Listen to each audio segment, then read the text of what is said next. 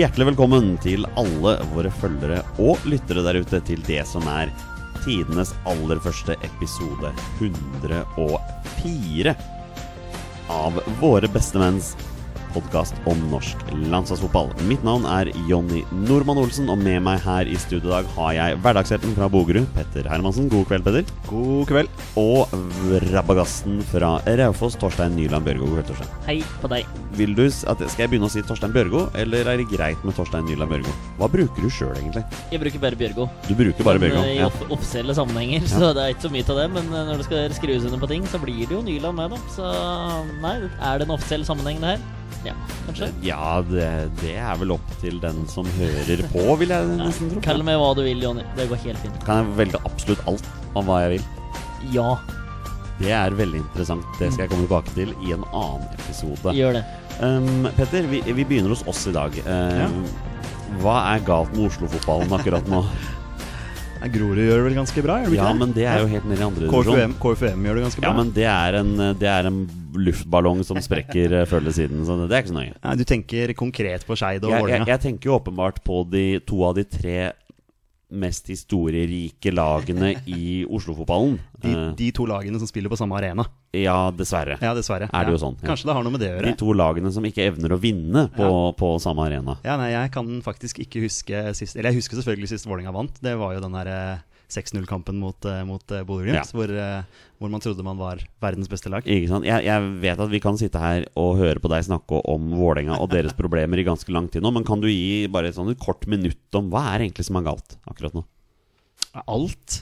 Det er alt, altså? Ja. Du, uh, ingen samhandling, ingen selvtillit, uh, ingen plan. Uh, jeg syns det er rart at eh, man ikke ser utvikling etter tre sesonger med samme trener. Og at man enda ikke klarer å spille mot etablert. Uh, og at man uh, Nå mot Viking så, så var det tydelig selvtillitsgreie. Det, da det ble 0-1 der, så, så er det ingen som tar ansvar. Og det er litt rart det der også, fordi eh, Ronny Deila sa det før sesongen at han hadde jo skjønt eh, hva eh, fjor, forrige sesong Altså hva som måtte bli bedre i år. Og det var jo det at de måtte få inn ledertyper, da sånn som Matti Williamson, sånn som leder i Bjørdal osv.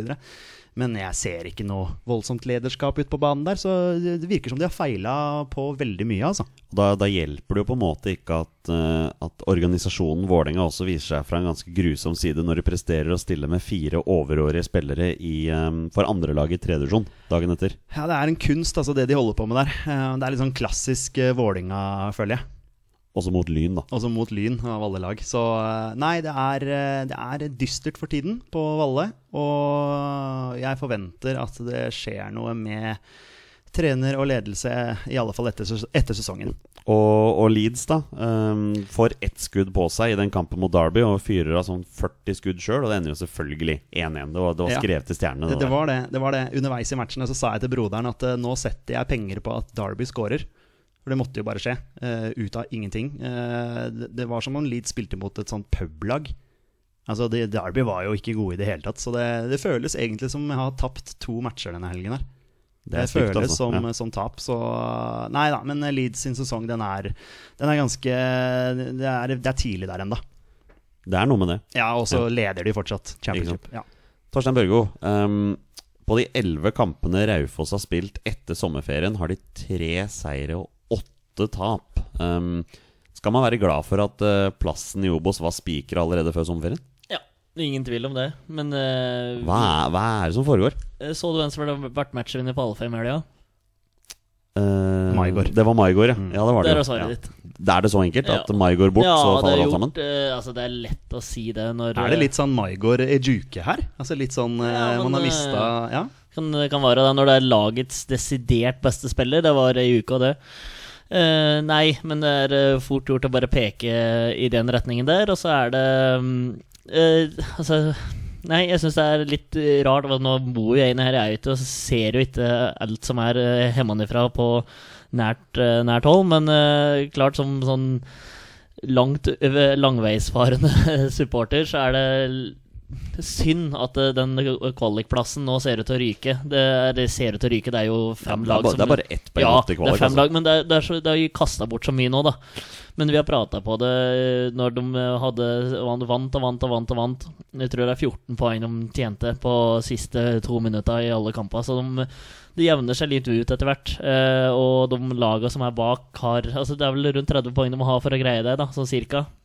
Jeg Og håper da virkelig ikke det. Nei, og det ser ikke ut som det blir det, blir det i år. Og så De sikra plassen veldig lenge, og da gikk, virker det sånn utenfra da at lufta gikk litt ut av ballongen. Det er veldig lett, lett å si. Eh, og så forsvant lagets desidert beste spiller, som avgjorde så mange matcher på faste situasjoner, og da Altså, Nå skåret så mye fra åpent spill altså før heller. Eh, og når du hadde den mista den dødballfoten til eh, Mikkel Maigård, så gjorde det veldig mye. Både på corner, straffe, frispark. Eh, direkte frispark som gikk i mål. Så um, det er eh, tungt og dumt, men altså De kan klare kvaliken likevel. De har jo ingenting oppe der å gjøre. Men uh, det er jo morsomt å se liksom, når Koffa presterer så bra, så er det jo artig at eh, Raufoss også presterer så bra, sjøl om det bare er fem poeng bak. Så det er definitivt ikke over, og har møter nå laga bak seg og rundt seg på tabellen, så det kan være muligheter for noen trepoengere framover, men eh, ja, plassen er sikra, og det var uh, målet, men må bare se, se oppover. Fra, fra Ullkisa, som ligger på tolvteplass, uh, opp til Nesotra, som ligger på femteplass,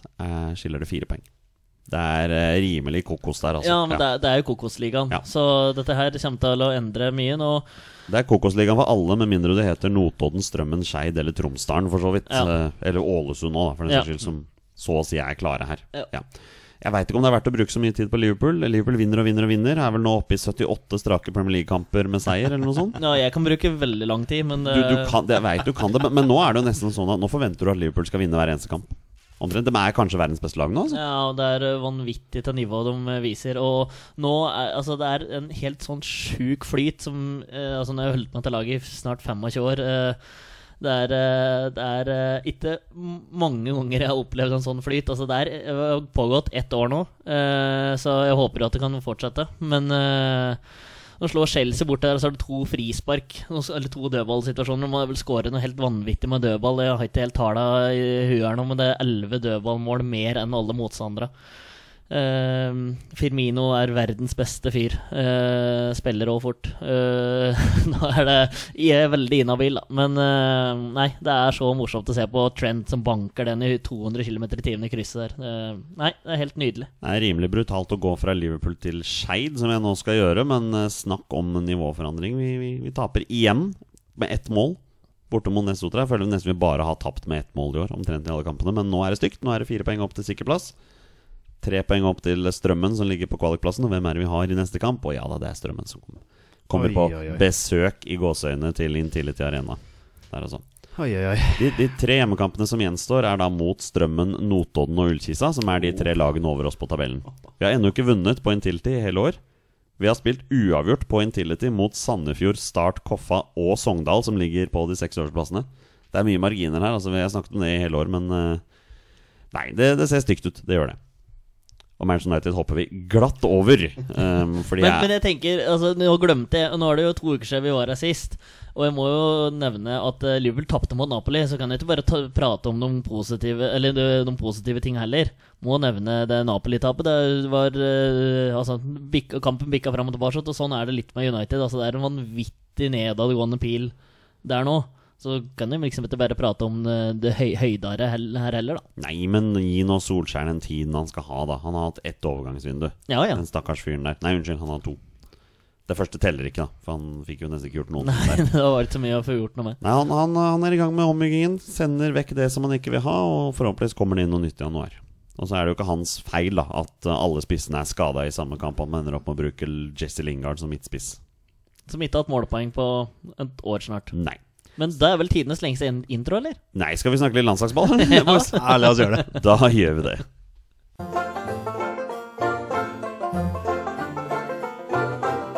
Velkommen til Heit og teit med meg, Torstein Bjørgo. Og vi er i gang med dagens episode for alvor, og vi begynner med Heit eller teit med Torstein Børgo. Og Torstein Børgo, hva er Heit eller teit med Torstein Børgo? Nei, jeg tar jo for meg litt av hva som har skjedd rundt våre landslagsaktuelle spillere.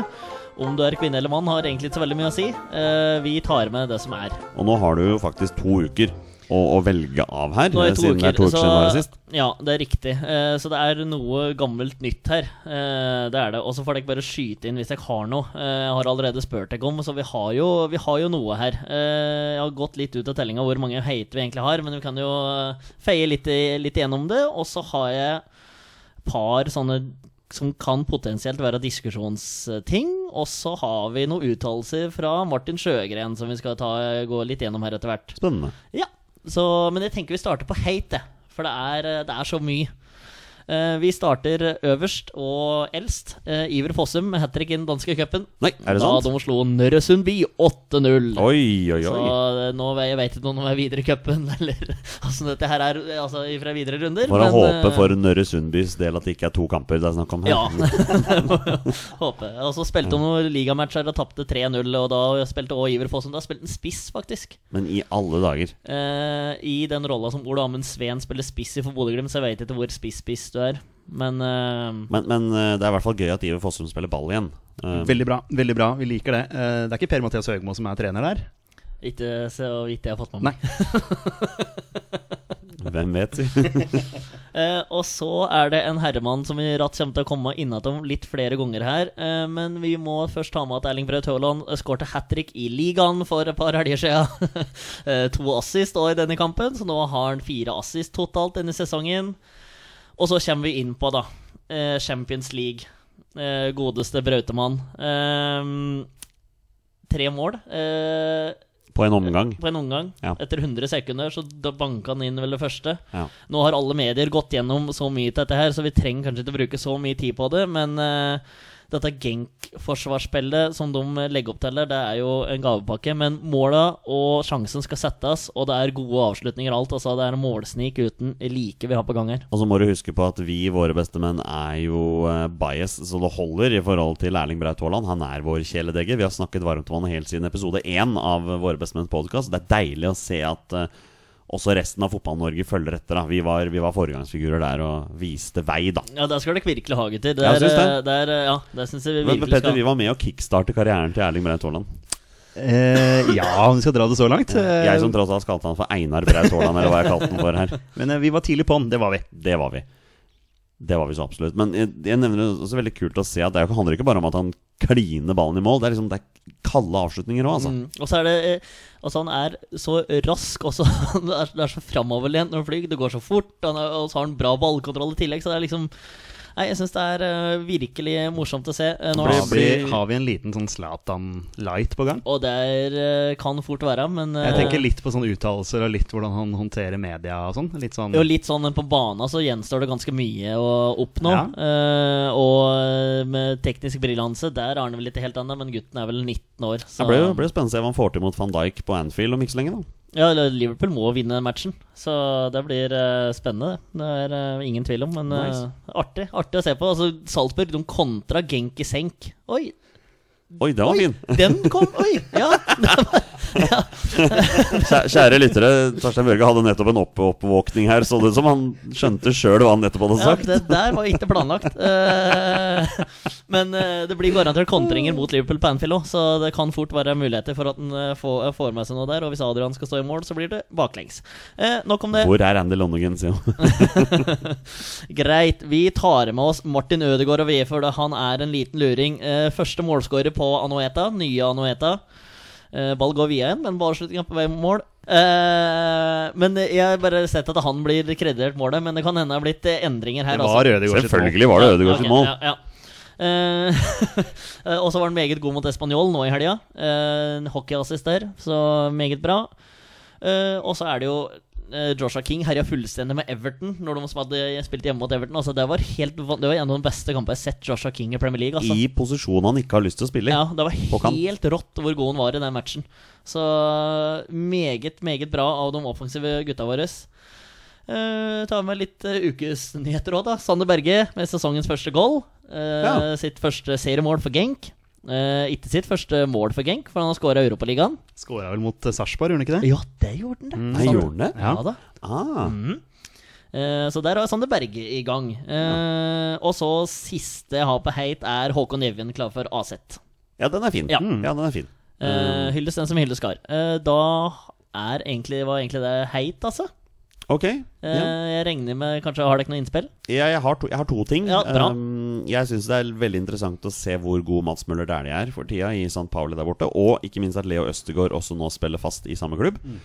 Han har potensialet. Altså, Ja. Han kan virkelig bli noe, altså. Østegård er vel en av de vi håper på skal ta det steget, Absolutt. nødvendige steget å komme opp på A-landslaget etter hvert. Og så har jeg en heit en her. Jeg, jeg har en heit, altså jeg tar en her. Um, og det er jo at Sigurd Rosted spiller fast i Brøndby nå. Og da er jo spørsmålet om han er tilbake i landslagstroppen til kampene mot Spania og Romania nå. Fordi vi, vi trenger jo midtstopper i form. Ja, og så er vel, eh, nå er vel Lunan Gabrielsen litt inn og ut av det Molde-laget. Så da, hvis vi har Rosted eh, fast i, eh, i Danmark, så skal han tilbake, ja. Og Ruben er på utgående kontrakt i Molde òg, så Så Ruben var ute og fiska litt der på Eurosport der, og Ja. håpa litt på en sånn belgisk klubb eller noe, så han Ja. begynt, hadde begynt å tenke litt økonomisk nå, da. Det så Ja, ut sånn, sånn som Ruben Gabrielsen var mer opptatt av å holde e- eldre Trond Strande vekk fra stakkars unggutten Oliver Edvardsen her. For, Ja. et, ko, for et kok det var på Ja, det var, var kok, ja. Ja. Så til grader.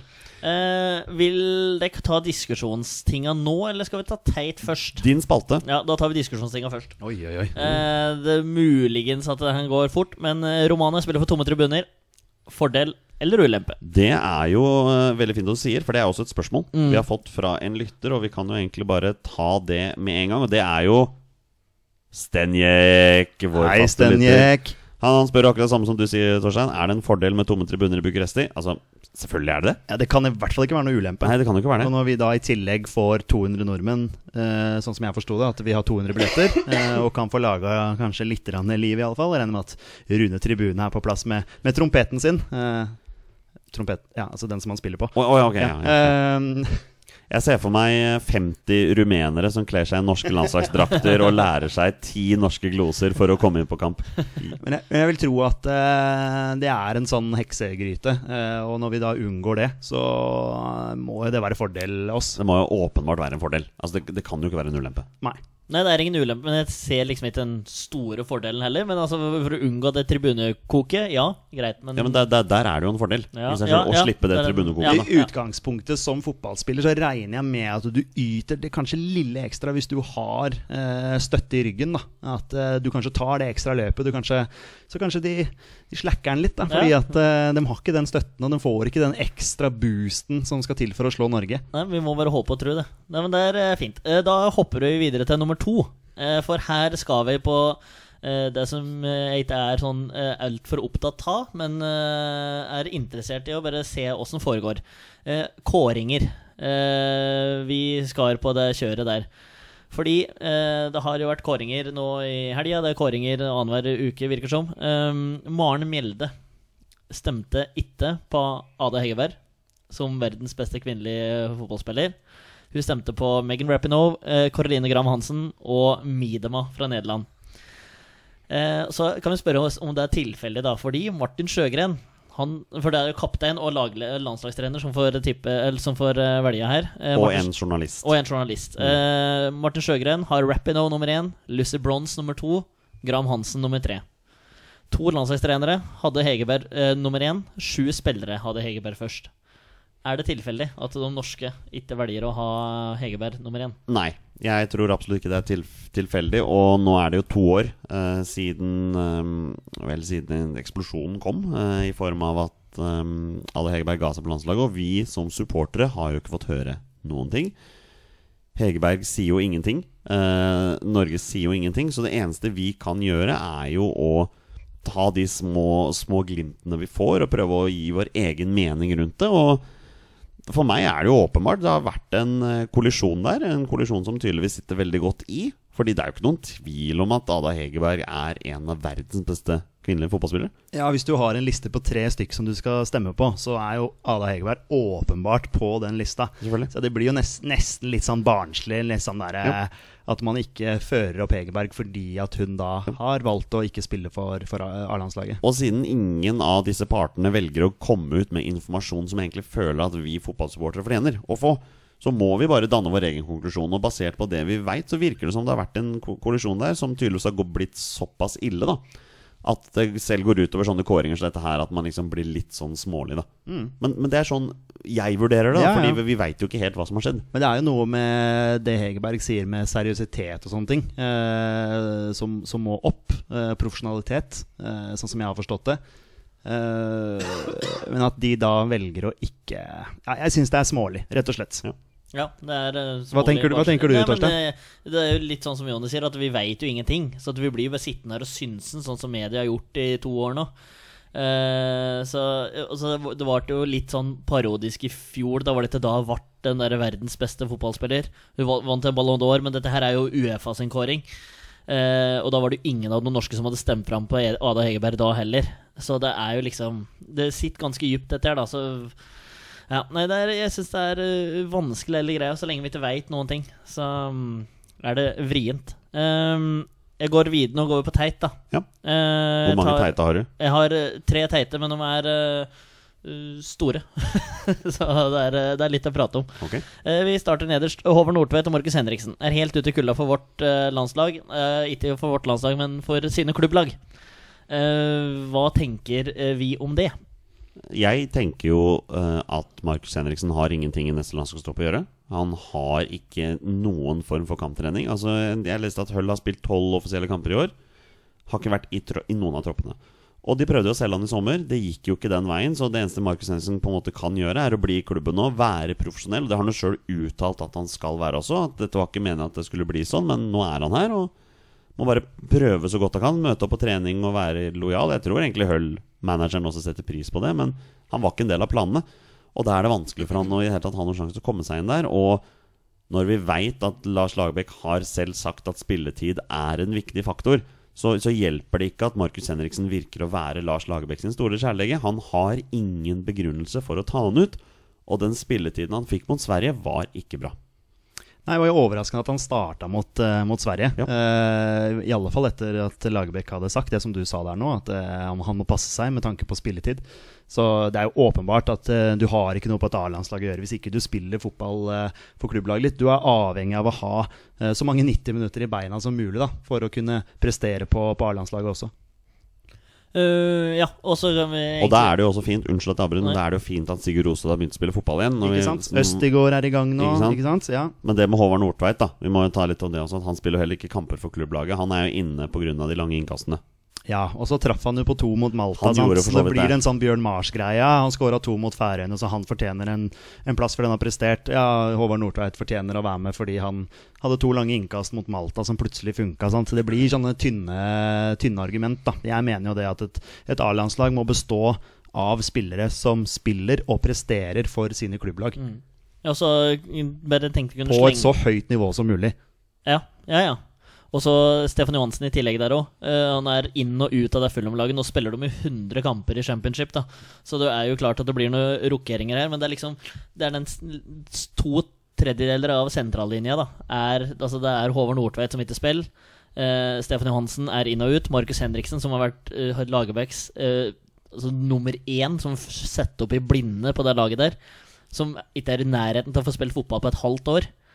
Altså, Vi skal ut i livsviktige kvalikkamper her nå. Altså, det er eh, Hva er det du gjør, da? Eh, Selnes i Kina, det er litt sånn Bob-Bob det òg. Da sitter han med Sander Berge der. Altså, de er litt sånn småbekymra for det som har vært luksusproblemet for oss, da, å sette opp den treeren på midten, som skal være to stykker. Eh, Så er det nå blitt nesten sånn Hva gjør vi? Stefan Johansen spiller i det minste ball, da. Eh, om ikke fast, Det gjør så det er der har jo manager det er vel Scott Parker, som er manager, han har uttalt det at Stefan Hansen er en utrolig viktig mann for dem. Så, så han er jo en del av planene, i alle fall. Ja. Uh, vi var jo inne på det litt uh, innledningsvis her i introen eh, med Vålerenga. Jeg fikk jo noen tips fra en eh, liten fugl som hviska meg i øret her.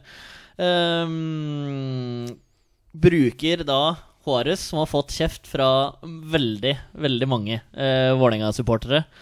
Eh, hvor det er en fremadstormende unggutt, uh, Christian Borchgrevink, uh, som ikke da får uh, muligheten til å prestere. Når han presterer, var på Vålerenga-Rosenborg.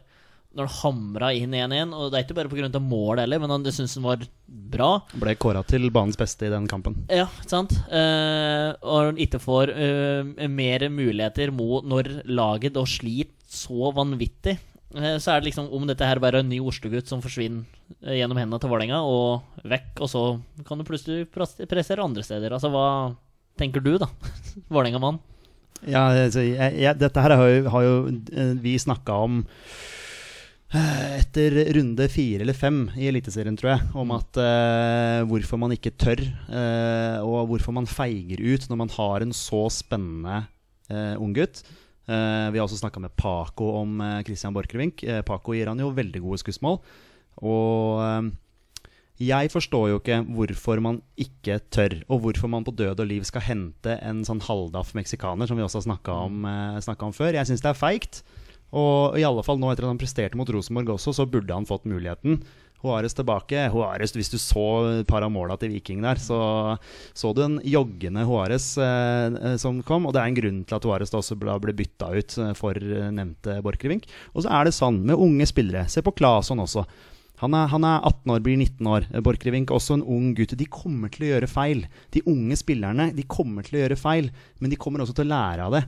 Hvordan kan du bli en god eliteseriespiller hvis du aldri får tillit? Han er, han, er, mm, han er mer enn god nok til å bekle den høyrebekken for Vålerenga.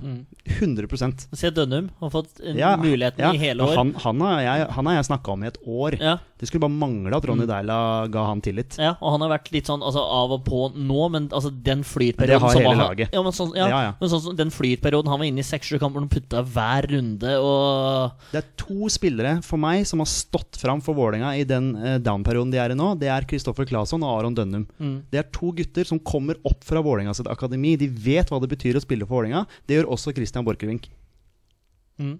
Og det er gutter som har vært med på både eh, seriegull både her og der, med leder Bjørdal og Williamson, som prater om, som virkelig skal ta tak. Og så er det to tenåringer som er de som gjør det. Så det er eh, Christ- Christian Borchgrevink har jo potensialet til å bli en A-landslagsspiller for Norge eh, på en av bekkene. Og jeg lurer på hva han sjøl tenker om den situasjonen han er i nå. For han Jeg tror ikke han er dum.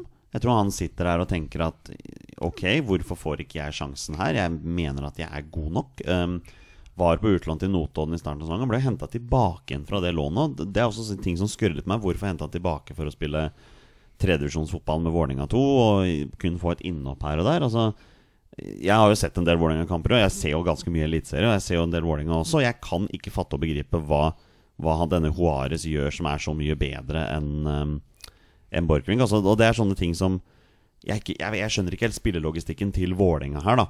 Uh, Vålerenga har et av de mest spennende unge lagene i, i hele Norge. De, er, de vant jo nettopp den uh, akademikåringen, var det ikke sånn det var? Ja. Mm. Best på talentutvikling. Ikke sant? Og har jo haugevis av spennende talenter. Men samtidig så lar de jo flere spennende talenter glippe. Sebastian Jarl til Sarpsborg, eh, som nå er på utlån til Koffa, da, men også en spiller der. Sigurd Rose, det har vi snakket om hundrevis av ganger. Bruno Leite i Skeid, eh, som nå er fast i Haugesund. Um, det Bruno, jo, Bruno Leite som var på treninger i Vålinga, og så glipper han. Det er eh, ja. Vålinga hadde alle muligheter til å hente han de. Um, og jeg tror ikke Bruno hadde sagt nei til, til Vålinga, men um, Vålinga ville jo ikke han. Um, de ville isteden ha andre. Ja, jeg, jeg, jeg, jeg syns det er trist. Jeg synes det er trist må, Hvis jeg får to minutter om Vålinga, så er det sånn eh, Når Vålinga da gjør et bytte nå i, i helgen mot Viking Jeg husker ikke hvem som gikk ut, det spiller for så vidt ingen rolle, men de setter innpå Mayron George. Og det er ikke sånn at jeg liksom kjenner at jeg har så sykt lyst til å dra på Valle i dag, for jeg vil se på Mayron George. Jeg er mer sånn at jeg syns det er fett å se på Kristoffer Claesson. Jeg syns det er fett å se på Aron Dønnum. Altså Aron Dønnum han er min favorittspiller i Vålinga. Eh, Jeg syns det er fett å komme og se på Christian Borchgrevink. Jeg syns det er fett å se på Markus Nakkim, Ivan Nesberg. Altså Oslo-gutter som veit hva det betyr å spille for Vålinga, og som kommer til å blø for den drakta der. Mayron George og de gutta der, de har ikke noe hjerte for den klubben der i det hele tatt. Og jeg forstår ikke, som du sier, Jonny, når du har så mange spillere å velge mellom. Se på Sander Wernie, f.eks., som har putta x antall mål. Ja, det er i tredjedivisjon, men på et eller annet tidspunkt han har også putta i andredivisjon. andredivisjon, Ja, ja. Så på et eller annet tidspunkt så må disse gutta der få sjansen også. Jeg syns det er feigt at de hele tiden skal se til utlandet. De ville også, de vil også, eh, de vil også tjent på det langsiktig. For Vålinga har nå kommet på, under Ronny Deila, kommet på var det niendeplass eller hva det var for noe første sesongen, og sjetteplass, og nå ligger de nede der nå også. De hadde sannsynligvis klart akkurat det samme hvis de hadde satsa på sine egne spillere. Det som er litt fint, da, for å hoppe litt vekk fra det, er jo det med talentsatsing i Norge. Er at uh, på 2000-tallet U21 og U19-landslaget til Norge består stort sett av spillere som ikke var i nærheten av å få spilletid i sine klubber i Eliteserien og i første divisjon. Nå består nesten bare U21 og U20 og U19 av spillere som spiller regelmessig i sine klubber. Så, så talentutviklingen i Norge generelt sett er jo veldig bra, og det, og det er jo veldig bra for norsk landslagsfotball også. Det er en grunn til at vi har begynt å komme regelmessig til mesterskap med U-landslagene våre også. Det er selvfølgelig fordi de får masse spilletid. Så, så det er jo positivt. Og, og Vålerenga gjør jo en del bra på disse punktene, de også, klart det, men de kan jo sannsynligvis bli bedre på ting også. Men det jeg tenker nå, er at nå er det, når det er at ni serierunder, da, nå er det at seks-sju eh, Kampen om medaljer for Vålerenga er ferdig. Kampen om å overleve Altså Den har aldri vært i fare, men den er heller ikke i fare nå. Hvorfor kan ikke unggutta få muligheten nå, da? Siste Altså siste seks, sju, åtte matcha nå. Så kast innpå det du har å kaste innpå, for sesongen er over. Målsetningen blir ikke nådd uansett. Jeg tenker at hvis, Så kan du sette deg inn på fjerne ja. der Kastrup-greien og, og den derre meksikaneren som Men der ser er- du jo også en greie da med Kamstrup. Han, han var plutselig ute nå. Ja. Ikke sant? Hvis, hvis, eh, hvis Mats Reginiussen sørger for at Ranheim vinner en heldig 1-0-seier på Intility neste uke, så er Vålerenga for alvor med i kampen. Jo da, men, Ja ja, men uh, Man er ikke safe ennå. Nei. Man er ikke det. Skal, Eh, Det blir mye Vålerenga her nå. Ja, det- Beklager det. beklager det Ja, det blir tidenes lengste hate og hate, i hvert fall for nå skal jeg lese litt uh, for dere, gutter. Uh, prøv å henge med, og så håper jeg dere har noe å fyre på på slutten. Eh, for et par uker siden så leste jeg i artikkel på VG eh, at det var ei jente, Sandviken-spiss, Maria Brochmann, som eh, ikke skjønte hun ikke kunne bli med på landslaget. Martin Sjøgren forklarte det sånn her. Hun er for treig siden det krever stor fart og hurtighet i internasjonal fotball. Hun, topp, hun, var, hun var i hvert fall på det tidspunktet her toppskårer i toppserien. Eh, så da har jeg bare notert ned her. Altså, Du kan spørre Olivier Giroud, Sigurd Rushfeldt og Christine Sinclair om, altså, om du må være fysisk sterk og rask. Eh, eller sterk må du være, men du må ha stor fart og hurtighet for å levere på internasjonal toppfotball. Eh, I min googling så har Sinclair skåra 182 mål på 286 landskamper og vært på landslaget siden 2000 og deltok senest i årets VM. Canadas store, store spiss. Abby Womback. Eh, OL-medaljør, sikkert OL-vinner, sikkert VM-vinner. Alt mulig sånn med USA. Har vært på landslaget siden 2003. Spilt 185 landskamper, laget 141 mål. Den i artikkelen ble sist oppdatert i 2012 da, med Abby Womback. Eh, og hun er snart 40 år, så det kan hende noe mer der. hun er ikke der. på landslaget lenger, hun Nei, men dette her er jo litt sånn som Lars og Lagerbäck har gjort, å prate ned Eliteserien. Og når du da eh, mener at du krever stor fart og hurtighet for å levere internasjonalt, og så har du de navnene jeg nevner opp her, du kunne nevnt mange, mange flere, både gutter og jenter, som har levert så det har synget etter. Og de har ikke hatt eh, de fysiske forutsetningene som del, eh, Martin Sjøgren da mener skal til for å være på et norsk kvinnelandslag. Eh, så Vi har pratet på det før at vi må slutte å prate ned vår egen liga, og nå gjør Martin Sjøgren akkurat det samme som det Lars Lagerberg har gjort. Og dette har fått altfor lite oppmerksomhet i media. Det var en sånn liten artikkel på VG om det, at hun reagerte på det. Men eh, altså, det er helt sjukt at det går an å si noe sånt. Jeg tror toppserien er verdens beste kvinnelige liga som ikke har penger. Um, Ja, sant. Mm. Rett og slett. Altså, du har den engelske ligaen som har begynt å flomme over med penger. Du har den amerikanske ligaen. Du har liksom den franske. Spanske har begynt også. Ikke sant? Sånne ting. Til og med den svenske har en del penger å rutte med der. Altså. Og den tyske, for så vidt. Um, det, du blir ikke rik av å spille kvinnefotball i Norge. Um, men det har ikke så veldig mye å si. Nivået er der. Nivået er bra. Uh, Det er en grunn til at flere av spillerne i den troppen til, som Norge hadde i mesterskapet nå i sommer, har jo, var jo toppseriespillere. Som nå har på en måte dratt i utlandet litt. også, Og hva heter er heter eh, kapteinen til Vålerenga? Damelaget, hun som er tysker. Nederlender. Sherida Spitze. Ja, Spitze, Spitze. ja. Spitze, ja, sorry. Ja. Altså, hun og det er i Norge av en grunn. Ja, ja, absolutt. altså, jeg, jeg skjønner ikke at det Men går an å si hun er 16 år og toppskårer i toppserien. Ja. Det, ja? Jeg vet, jeg vet ikke om han var 16 år. Det vet Nei, jeg ikke. unnskyld. Nei, nei, det vet jeg ikke om Ja, her. unnskyld. Nei. Nei, jeg, vi, Men- vi men- hørte, s- men det var jeg som misforsto. Ja, nei, men hun har scora nok mål til å være toppskårer, og så er det ikke vurdering engang. Du vet ikke hvor gammel hun er? Nei, og be, Men begrunnelsen er at det ikke er rask nok, Ja, riktig, og at det ikke har fart og hurtighet. Riktig. Og så er det disse andre navnene. Det er jo store legender, selvsagt, så dette er jo stor forskjell. Men Jeg- det må jeg- gå an å variere litt, da. Jeg syns jo Martin Sjøgren har vært veldig flink da, til å ta ut uh, spillere fra toppserien mens han har vært landslagstrener. Denne, denne uttalelsen er veldig uheldig, og han har på en måte Han prøvde å beklage seg litt grann, og prøvde å roe seg vekk fra det. Men, men jeg skjønner poenget ditt. Jeg gjør det. Um, det er ikke bra at vi har eh, to hovedlandslagstrenere for både herrene og damene som, eh, som snakker ned den hjemlige ligaen. Det, det, det kommer ikke noe godt ut av det. Nei, sånn kan det ikke være. Og Nei. jeg ble jo sjokkert når jeg så Lagerbäck på Vålerenga Rosenborg. det var, Han var, der kun for å se på Mars. ja, ja. Garantert. Eh, Det var heit og teit. eh, Hvem andre skulle det vært? Eh, Da er jeg ferdig med mitt. Skal vi ta noen spørsmål fra lyttere, boys? Ja, la oss gjøre det. Da gjør vi det. Og det skal være mål! Og det er mål! Og det er Egil Østenstad som skårer igjen. Og det er 4-2. Norge har skåret fire mål på Brasil. Vi var inne i en god periode. Og nå er vel kanskje hele kampen punktert. Vi ruller på videre med podden og tar noen spørsmål fra våre lyttere. Vi har allerede vært inne på det her, og vi går tilbake til vår faste lytter Stenjek, eh, Petter. Um, han hadde spørsmål til. Bør Norge ha samme lagformasjon mot Spania som de hadde mot Sverige? Eh, ja, det funka vel ganske greit mot Sverige. Nå er jo Spania en mye, mye, mye bedre motstander. Uh, jeg skulle jo helst sett at vi hadde to spisser, jeg, da. Enig. At vi har både King og kanskje Braut Haaland. Uh, kanskje Braut kan skape litt kaos der framme. Men det må i alle fall være plass til Martin Ødegaard. Og det var vel litt derfor at man spilte en slags sånn 4-1-1 med Ødegaard som en sånn hengende. Men det funka bra, men, men jeg vet ikke. Spania er noe helt annet. Ja, det er det, Eh, altså. Og jeg tenker at Hvis vi stiller i 4-4-1-1 mot Spania på Ullevål, så har vi tapt eh, på forhånd. Vi, Vi har vel tapt uansett. Ja, men skal vi ha noen sjanse for å få med oss noe der, så må vi i hvert fall tørre å starte med to spisser. Eh, og hvis vi eventuelt klarer å få inn en goal, så må vi eventuelt prøve å ta noen vurderinger da. Det hadde Men- vært interessant å gå tilbake til den Tyskland-kampen og sjekke hvilken formasjon hvis de hadde der. Ja, det hadde vært Eh, det var det sist vi møtte et eh, storlag på Ullevål og vi tapte 3-0. Ja, og Da var vi virkelig ikke i nærheten. Vi var ikke i nærheten i det hele tatt. Det stod stor respekt som vi hadde da. Men det var jo under en annen landslagstrener også. Det var det. det var det eh, rett og slett. Eh, Hva tenker du, Torstein? Samme formasjon? Eh, Du skal eh, forsvare det rimelig godt hvis du skal vrake en som har lagd hat trick i Champions League. Altså. Da skal du ha ganske bra argumenter. Eh, ganske bra erstattere òg, egentlig.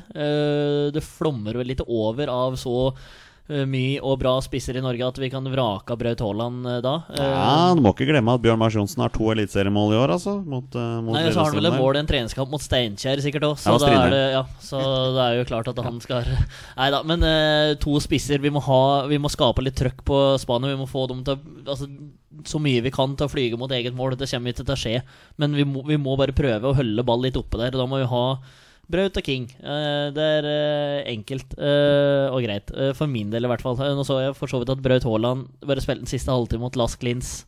Uh, spilte 2-2 borte der, bare for å ta med det. Men nei, Braut og King er egentlig for meg Det funka greit mot Sverige, men forskjellen på Sverige og Spania er himmel og helvete. Og Det er jo en fin Segway over til neste spørsmål, som kommer fra Øyvind, også kjent som Norguero på, på Twitter. Fast lytter, tror jeg.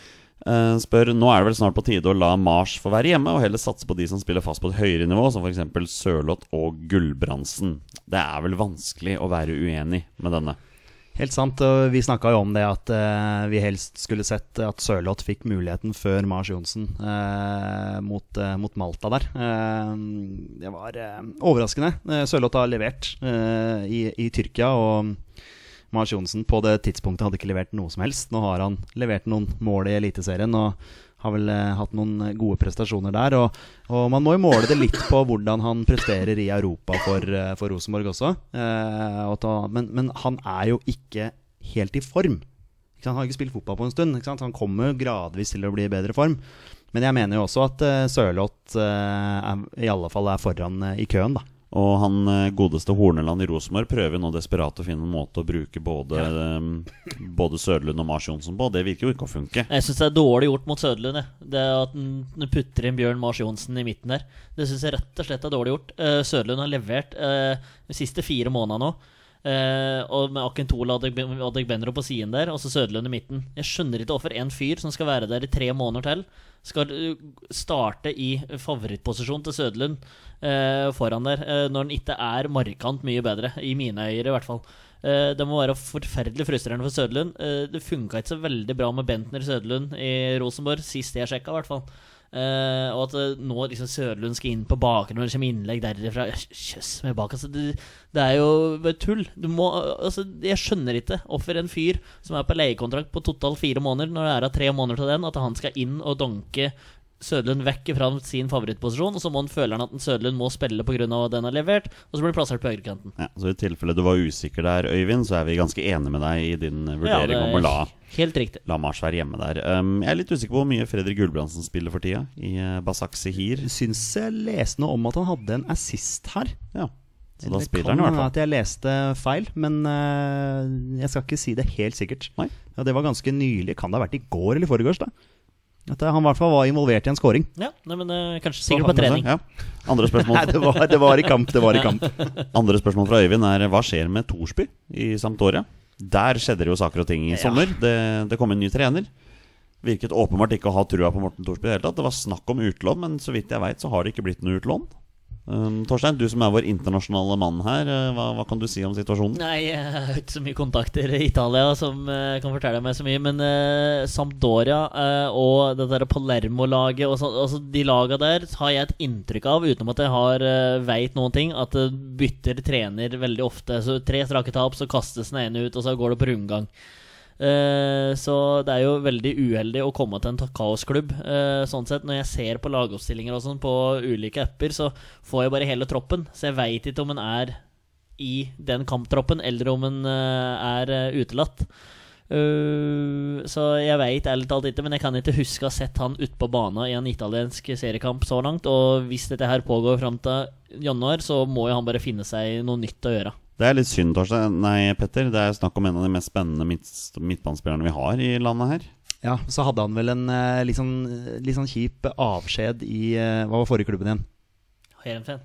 Heerenveen. Heerenveen. Ja, det var liksom litt sånn ah, Nå skulle ja, forhandla eller snakka med andre klubber og så videre og så videre, og så fikk han ikke spille der, og så kommer han over hit, og så har han jo fått litt lovnader, sånn som jeg forsto det. Hørte jo på den podkasten med fotballklubben hvor han var med, eh, hvor han da hadde fått Fått eh, klarsignal da, på at han skulle bli satsa på. Og så er det noe med når det skjer da at eh, det blir et trenerskifte der, så Så, så er det veldig uheldig for, for hans del. Har, eh, har sittet på benken i samtlige kamper i Serie A i år. Uh, man kan jo si at det er veldig fint at han hele tatt har kommet seg til benken, da, men i, klart i Serie A så er det lov å ha tolv innbyttere på benken. Eh, så hvor bra det er, det kan jo være Ja, men da er det der. Derfor jeg har sett den i kamptroppen så ofte òg. Kan også for øvrig nevne at Santora ligger da nest sist i Serie A med én seier og tre tap der. Um, Sitter ikke lenge, han treneren, da. 2-9 målforskjell har de på fire kamper der, så det er jo ikke bra. Um, Alexander Finstad, også en fastlytter, spør Veit at det er under ett år til Lars Lagerbäck gir seg på landslaget i 2020, men har dere noen av dere en teori på hvem som kommer til å ta over etter Lars i høsten 2020? Jeg har jo en klar teori her, det veit jo dere. Uh, erstatteren til Lars Lagerbäck heter Per Joar Hansen. Ja, du, du har jo hatt det som en påstand. Ja, det er som en påstand. Torstein har snakka om Åge Hareide.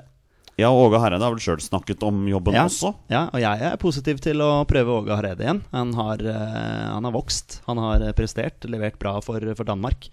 Uh, Solskjær da, kan jo plutselig være uten jobb snart, så man vet jo aldri. Altså Hvis du tar bort den der eh, landskampen til Danmark som de tapte mot Slovakia, hvor de måtte bruke amatørspillere, så har vel Danmark rundt 30 strake landskamper uten tap nå.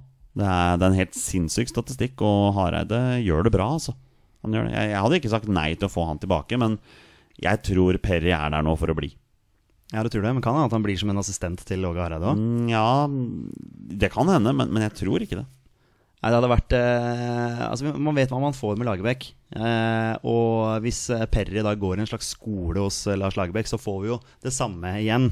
Eh, det hadde vært litt forfriskende med noe nytt, litt nye tanker og ideer. Ikke Per-Mathias Høgmo, men eh, nå er jeg litt usikker på filosofien til Åge Hareide, hvordan den har utvikla seg med, med åra. Men eh, det hadde vært interessant å og litt, kanskje litt nye systemer og, og litt annen måte å spille fotball på. Kan jo hende at Erik Hamrem blir ledig snart. Island gjør jo ikke helt fantastisk for tida heller.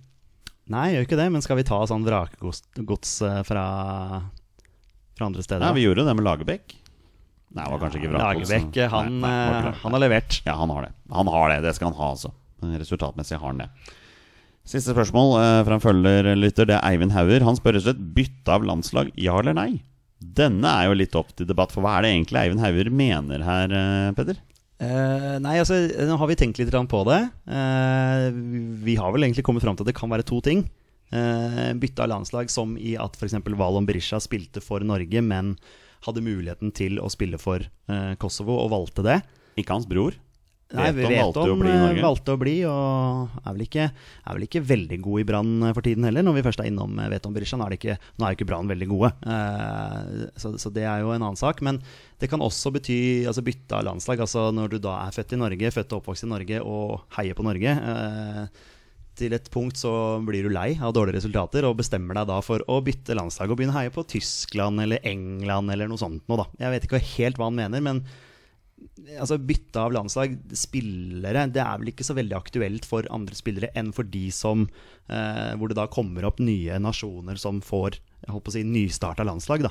Morten eh, Galaasen i den eh, geniale podkasten Pyro Pivo Han eh, etterlyste jo for en tid tilbake etter landskamper før sommeren her om, om den fantes noen lidenskapelige landslagssupportere der ute. Og Da ble vi tagget. Det syns vi var veldig hyggelig, så vi er jo lidenskapelige. Men tenker du da, Torstein? Bytte landslag, ja eller nei? Hvilken, eh, hvilken retning vil du gå i forhold til spørsmålet? Nei, jeg vil holde meg norsk så lenge, lenge Norge består som et fotballandslag. Så jeg meg til Norge. Sånn sett så er det ikke aktuelt. Eh, Jeg er, altså, det er litt usikker på det. Vi prater jo litt om dette her eh, før vi gikk her, hva vi med- trodde han mente med spørsmålet. Men bytte av landslag altså, Det var jo en sak her med Braut Haaland eh, om at han kunne spille for England, for han var født i Var det Leeds eh, vi var inne på?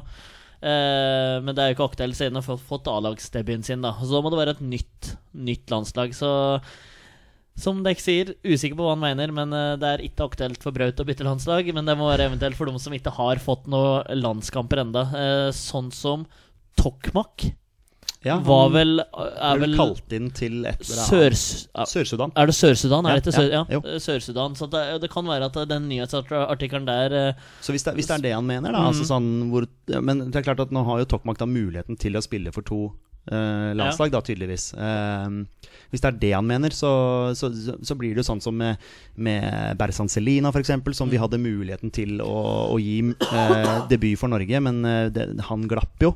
Så Tokmak kan jo være en sånn spiller også, eh, som, som glipper. Ja, så d- hvis det er det han mener, så Ja, nei, jeg veit ikke helt hva Jeg, Nei, jeg, jeg er litt sånn på dypt vann her, så han får, men han får spørre, sende melding i innboksen, og så får han, eh, får han svar derfra. Unnskyld, men, men er, du- er du norsk og født og oppvokst i Norge, så heier du jo på Norge. Selvfølgelig. Jeg kan ikke skjønne noe annet. Men uh, klart vi har vært på Ullevål og sett uh, Norge-Tyskland f.eks., hvor da nor nordmenn har uh, Tyskland-drakter og heier på Tyskland. Ja. Har du noen tyske aner, så kan jeg til nød forstå det. Men så lenge du er født og oppvokst i Norge Altså Jeg, jeg har jo hatt liksom Irland da, som en slags sånn andrelag, fordi eh, Robbie Keane er liksom min favorittspiller gjennom, gjennom tidene. Så, så hadde jeg vært litt svak for Irland, men jeg har jo ikke heia på de sånn lidenskapelig. Det har liksom bare vært Jeg syns det er kult å, å følge med på andre landslag. Selvfølgelig, man, man følger med på engelsk fotball, man følger med på England, men man heier jo ikke på de. Nei, og det er litt sånn som når vi var på Norge og Malta nå. Så ser vi Sadio Mané og Marcus Rashford sitte ved siden av hverandre, altså med drakter, eh, på tribunen på Ullevål. Så det er veldig rart, det der eh, greiene der, altså. Så Ja, det, altså bare det, Den tingen du snakker om der, er noe jeg virkelig misliker. Er folk som tar med seg andre klubbfarger på, på, på kamper. Altså. Det, er, eh, det er nesten like ille som når Norge skal møte Sverige på Ullevål og man er norsk og stiller med lue med svensk flagg på. Det er jo også ganske Men det har vel ikke skjedd. Det, Nei, det, jeg tror ikke det har skjedd. Altså Hvis det har skjedd, så er det helt, helt på trynet. det må altså. jo være en person som ikke er helt Og riktig bevart. Åpenbart ikke helt Ja, det eh, riktig bevart. Eh, Litt morsomt det du nevner med Irland. Fordi du vet jo at For meg er det også litt sånn Jeg har en forkjærlighet for fotballen i USA Mm. uh, og i Canada, så jeg følger jo amerikanske landslag litt tett også. Hvis du syns Norge sliter, så skal du ta en titt på hvordan det går med amerikanske landslaget, for der borte er det Der er det, det mytteristemning så det holder nå. Kaos. Altså. Ja, virkelig kaos.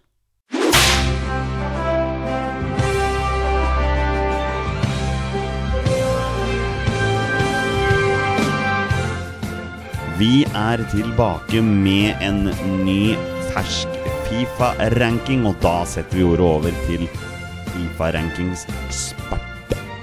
Petter Hermansen, som har tatt på seg ekspertlua si, eller hatten. Eh, det er hatten, ja. Det er hatten, um, og denne er jo ganske fersk. Og den er nesten rykende fersk. Ja. Uh, 19.9 kom den nyeste Fifa-rankingen. Uh, så da ah, Jeg digger den eh, introen, forresten. Intro, eller sånn vignetten til eh, ah, Da blir jeg alltid så godt humør. Ja, det er bra. Eh, jeg, skal, jeg skal starte med en litt trist nyhet først. Eh, jeg vil starte med det at eh, Cook Island, eller Cookøyene, det er en øygruppe i Stillehavet, en del av New Zealand, de er ikke med på rankingen lenger. Hva? Hvor, Fordi de har ikke spilt kamp på fire år. Det syns jeg ikke er noe å le av, Torstein. jo da, du kan le av det. Eh, så det er en liten sånn trist De har, de har, de har, de har, liksom, de har falt ut av Fifa-rankingen. Fordi du må være aktiv da altså Når du er inaktiv i fire år, så mister du plassen din. Jeg er jo fryktelig interessert i, um, i fotball. Um, så jeg ser jo en del det vi kan kalle liksom absurde høydepunkter. eh, Og jeg hadde en grundig gjennomgang her forleden av høydepunktene fra første kvalikrunde i eh, Nord- og Mellom-Amerika, den karibiske sonen. Da, så du bl.a. Caymanøyene spille mot Bahamas og masse sånne ting.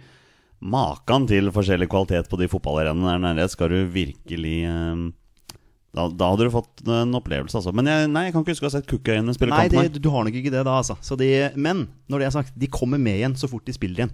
Ja, så nå er det bare å samle gutta og få til en landskamp her. Så, så, så blir det med på rankingen. Uh, vi fortsetter, vi med Norge.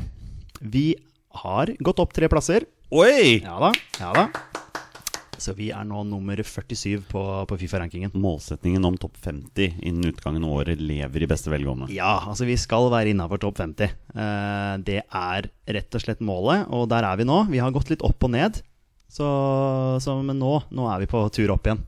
Nå er det bare å, å banke Spania og Romania i neste, så, så bykser vi oppover.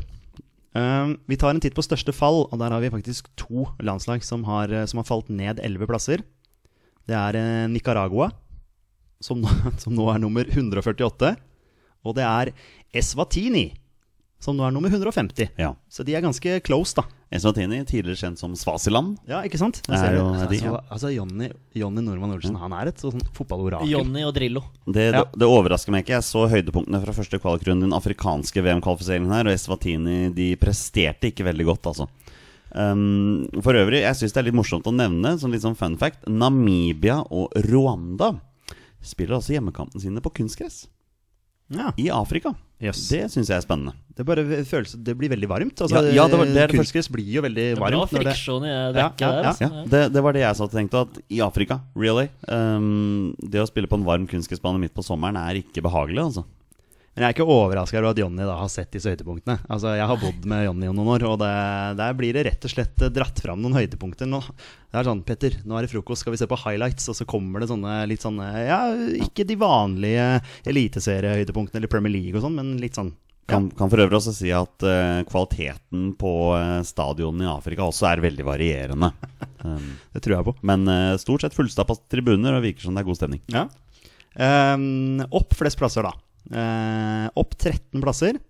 Er nå nummer 160. Der finner vi Grenada. Ja, Ja. Så det Da er vi tilbake i Nord- og Mellom-Amerika, da. Ja, de har gjort sakene sine bra. Ja. Så, så sånn er det med den saken. De, de har jo kvalifisert seg til Gold Cup. For um, jeg tror kanskje det er første gang, eller noe sånt. Det er ikke rart de bykser oppover på Fifa-rankingen da. Jeg ble faktisk litt usikker nå, men jeg skal kanskje ta en titt og sjekke om det stemmer. Det er jo egentlig jeg som burde sjekka det, men eh, jeg er litt mer sånn opptatt av at de har gått opp og ned. Det, det, er- det er gøy, det også. Ja, ja, ja. Eh, skal du sjekke det nå? Ja, skulle jeg ikke sjekke det nå? Jo, jo, jo, vær så god. Um, skal vi se, skal vi se, skal vi se Nei, jeg tror mulig jeg tok feil der. De har kvalifisert seg til uh, divisjon A i Nations League. I, uh, i, I- i ja. Konkakaf. Ja, riktig, der, altså. riktig. Ja, da. Har vunnet fire kamper, to uavgjort og ett tap i, i 2019, da. Nei, unnskyld, Nation League B er dem i. Um, veldig viktig å ha rett der. Uh, landslaget består bl.a. av to forsvarsspillere fra Shrewsbury uh, en, um, uh, og en midtbanespiller fra Dover. Så da veit dere det. Eh, det høres i alle fall ut som de, de fortjener eh, å gå litt oppover på rankingen. Ja, absolutt. De har noen sterke resultater her. Eh, Vinner 2-1 borte mot Belize og 2-1 hjemme mot St. Kitts and Nevis. Men ganske sterkt å vinne 2-0 borte mot Puerto Rico også, Ja. i kvaliken her. Så det er solid. Tapte bare 1-0 hjemme mot Dominica også, da. Det var det eneste tapet de har hatt i år. Da tar vi en titt på gruppa vår. Um, ja, Spania. De er jo er nummer syv. Uh, har gått opp to plasser. Sverige nummer 18. De er fortsatt på stedet hvil. Romania er nummer 31. Det har gått ned tre plasser. Så vi nærmer oss. Norge, da, som vi snakket om, vi er nummer 47, opp tre plasser. Færøyene er nummer 109. De har gått ned én plass. Mens Malta er nummer 179 og har gått opp to plasser. Ja, det er jo, det er jo imponerende for sjøl, men det, det er sykt å ligge så langt nede på Fifa-rankingen, altså. Eh, Malta? Ja. Ja. Eh, de så vel sånn ut da de var på Ullevål. Det var vel ikke mye Nei, det var jo for sånn, Men det hadde vært litt interessant hvis Norge plutselig hadde spilt en privatlandskamp hjemme mot et av lagene som ligger på sånn 190. plass fra Afrika eller Asien. Sånn, bare sett hvordan kvaliteten er, da. Sett hvor dårlig det var. Sannsynligvis, ja. Vi må ta en eh, Avslutningsvis her så, så tar vi en titt på topp ti. Det må vi alltid gjøre. Eh, på tiendeplass så har vi Argentina. De ligger eh, fortsatt på De er på stedet hvil. Eh, nummer ni er Colombia. Det har gått ned en plass. Nummer åtte er Kroatia. Det har gått ned en plass. Opp to plasser, som vi snakka om. Der har vi Spania på syvendeplass. Uruguay gått ned en plass, på sjetteplass. Portugal er nummer fem. De har gått opp en plass. England er nummer fire. De er på stedet hvil. Brasil er nummer tre. De har gått ned en plass. Frankrike da, tatt over andreplassen. Og helt på topp så har vi jo Torstein. Belgia. Der er Belgia fortsatt. De har vært der en stund. De har vært en god stund nå. De er på stedet hvil og uh, koser seg som nummer én i verden. Altså, imponerende at et land som Uruguay, som har innbyggertall Jeg tror kanskje de har innbyggertall på nivå med Norge. Kan det stemme? Og så er de så høyt oppe. Ja. Lever av fotball, vet du. Altså lever og åndrer Ja, fotball. Ja, Derfor får de fram så mange gode spillere ja. Det er noe med det. De, eh, ja. Du høre hvor mange skiløpere de har. Ikke sant? Ja. Ja, det er noe med det. Man må jo være god på de tingene som er litt sånn klimamessige også. Spesielt i disse Greta Thunberg-tider. Ikke sant? Uh, det var alt, fra, meg, alt fra meg og denne Fifa-rankingen. Petter, du, du leverer som du alltid gjør. Ja, nå eh, hadde jeg en god partner her eh, i Jonny Normann Olsen, som, som supplerer da med statistikk og resultater og i det hele tatt. Det var ikke, ikke meningen å kuppe din Nei, jeg synes eh, Det som, det det. som er litt artig med dette her, er jo at Jonny ikke trengte å google det som kom fram. Du måtte finne fram til Grenada, som hadde kvalifisert for, for, for Gold Cup for første gang. Den, den sjekka du, men Ja, men de hadde ikke det. Nei, men, nei, men, Nations League. ja, Nations League, men alt det andre her, Ja. det hadde du i huet. Så det er viktig å få fram det Ja, altså Du snakker til en som har en veldig forkjærlighet for landslagsfotball. Jeg har egentlig Nei, sier du hatt det? Det Så- var eh, imponerende, Jonny. Takk skal du ha.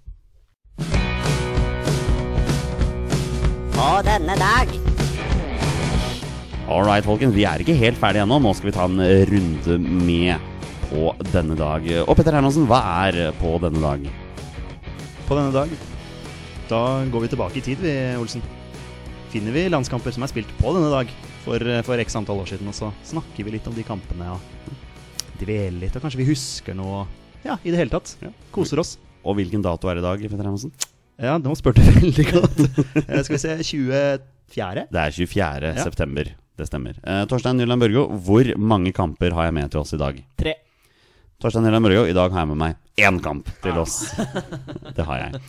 Eh, jeg skal stille et spørsmål som jeg alltid pleier å gjøre, selv om jeg veit svaret veldig godt på dette spørsmålet. Petter Hermansen og Torstein Børge, hvor var dere 24.9.1986? Ja, vi er der, ja. Ok, Jeg var ikke født ennå. Nei. Jeg var eh, på vei, holdt jeg på å si. Det Ja. var jo bare noen måneder igjen før sant? Ja, ja. jeg ble født. Mm. Jeg var født. var født. Eh, jeg, kan si, jeg husker ikke så veldig mye fra den kampen her. Jeg var, eh, jeg var to og et halvt år eh, på det tidspunktet her. Um, 24.9.1986 starter Norge EM-kvalifiseringen med 0-0 hjemme på Ullevål mot Øst-Tyskland. Det var kvalifiseringen til fotball-EM i 1988. Eh, Norge var i gruppe med, foruten Øst-Tyskland, så var det gruppe med Sovjetunionen, Frankrike og Island. Eh, Norge ender sist i gruppa. Én seier, to uavgjorte og fem tap. Det er stygt. Den eneste seieren kom da 2-0 hjemme mot Frankrike. Så det er jo også noe å ta med seg. Eh, dette var en brutal gruppe. Det var, var kun ett lag som gikk videre til EM på den tida. For på den tida her så besto EM kun av åtte lag. Eh, og det var Sovjetunionen som vant gruppa til Norge den gangen. Her er Norges lagoppstilling i 0-0 mot Øst-Tyskland. Det var Erik Thorstvedt i mål. Svein Fjellberg spilte også denne kampen. Det samme gjorde Anders Giske. Terje Koiedal, Per Edmund Mort, Jan Berg. Kjetil Osvold, Karl Erik, nei, Kai Erik Herlovsen, Arne Larsen Økland, Tom Sundby og Sten Glenn Håberg. I løpet av kampen kom Einar Aas og ikke minst Arve Seland inn fra Ikke minst. ikke minst. Um, jeg kunne gått gjennom den østtyske lagoppstillingen, men der er det virkelig ikke mange navn å huske. Men det er faktisk en spiller vi har hørt om her. Han heter Ulf Kirsten. Ja. Han spilte, Spilte- denne kampen i 1985. 1986. 86. Nei, unnskyld, 1986. Ja. Da spiller han Men det er jo litt som Erik Thorstvedt også. Han var jo, Ja. har jo spilt Lenge. Så, så når jeg så det navnet, så tenkte jeg det samme som deg. Dette kan jo ikke være den Ulf Kirsten vi husker. Men, men jo da, det var den Ulf Kirsten vi husker. Han- Mannen med 49 landskamper for Øst-Tyskland fram til 1990, når Tyskland slo seg sammen. Da spilte han i løpet av de ti neste årene 51 landskamper for selve Tyskland. Jeg var ferdig med landslagskarrieren i 2000. La opp i 2003. Da hadde han spilt 350 kamper og skåra 181 mål for Bayer Leverkusen. Um, spilte sin siste kamp i 2003. Spilte landskamper for Øst-Tyskland i 1986. Det er, um, det er solide tall. Absolutt. Skikkelig målskårer. Ja, rett og slett. Um, det var alt jeg hadde fra, på denne dag denne gangen, boys. Det, ja, en uavgjort. Det, Ja, det, det holdt jo ikke i det lange løp i den gruppa der. Nei, det gjorde jo ikke det. Og vi blir jo Um, ikke kvitt Island. Vi møter jo Island hele tiden. vi gjør jo ikke det. Og jeg tror ikke Island var spesielt gode på 80-tallet heller, men uh, det var jo absolutt ikke Norge heller.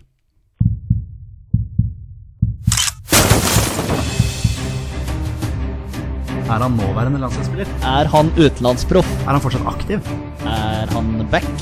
Har han spilt for Rosenborg? Mine damer og herrer, det er nå tid for 20 spørsmål. Det er på tide å avslutte denne ukas episode av Våre bestemenns landslagspodkast. Og det har vi tenkt å gjøre sånn som vi pleier, med en runde med 20 spørsmål. Petter og Torstein konkurrerer denne gangen, og her er en kjapp runde med reglene før vi går videre. Petter og Torstein har 20 ja- og nei-spørsmål på å komme fram til spilleren jeg har funnet fram, og det er da en spiller som har minst én A-landskamp for Norge, og bonusregelen er som den pleier å være. Når de gjetter navnet på en spiller, er spillet over, de har vunnet eller tapt. Men før vi går videre nå, må de velge om de vil ha en twist eller ikke. Vær så god, Jeg boys. hadde glemt twisten, faktisk. Tenk at Det er to uker siden vi spilte inn sist. Jeg har glemt twi twisten. ja. Oi, oi, oi. Jeg var, bare liksom klar for 20 spørsmål. Vet du hva? nå, nå ble det twist her. Ja takk. Ja. Ja. Dere velger å akseptere twisten? Oi, fint. Twisten i denne runden er at eh, Petter og Torstein ikke får lov til å spørre om antall landskamper denne spilleren har. Vær så god.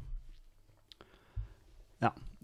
Det trenger jo ikke nødvendigvis å være noe handikap, men det kan jo være det, selvfølgelig. ja, hvis det er en fyr som har 45 minutter, liksom. Og Ja, mange, ja. ja. Mm. Um, er han fortsatt aktiv? Nei, det er eh, grei. Eh, vi peiler oss inn på posisjon, vi. Eh, vil du si det her er en offensiv spiller? Da tar jeg med Nei, offensiv spiller. Ja. Okay, Skal vi gå konkret inn på det, da? eller? synes syns jeg. Synes jeg.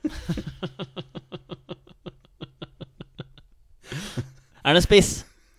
Um, okay, Denne er- spilleren har omtrent like mange landskamper på angrep og Så midtbaneposisjon. da stryker vi det spørsmålet. Da står vi fortsatt på to. Så da var det men, men da er han jo Håvard eh, Nilsen, tenker jeg litt sånn Nei, sorry. Han er aktiv, ja. Han er aktiv, han. ja det. dette er en ikke-aktiv spiller. Korrekt, det. Ja. Håvard Nilsen er kanskje ikke aktiv på landslaget lenger, men han er, han er aktiv, han spiller fotball. Ja. Um, ok, Så det er en som har figurert eh, både som midtspiss og som en kant i 4-5-1, da kanskje? Mm. Altså sånn klassisk uh, Jostein Flo. ja Steffen Iversen. Iversen. Steffen Iversen. Ja. Ja. begge de har vel hatt, faktisk, tror jeg. Ja. Så Men der er vi litt inn på den spillertypen, da. Solskjær Ja, sant? har vel også figurert Ja, han litt på ja. ja, har han ikke det? Jo da, jo jo da, jo litt da, sånn jo da. typisk uh, der.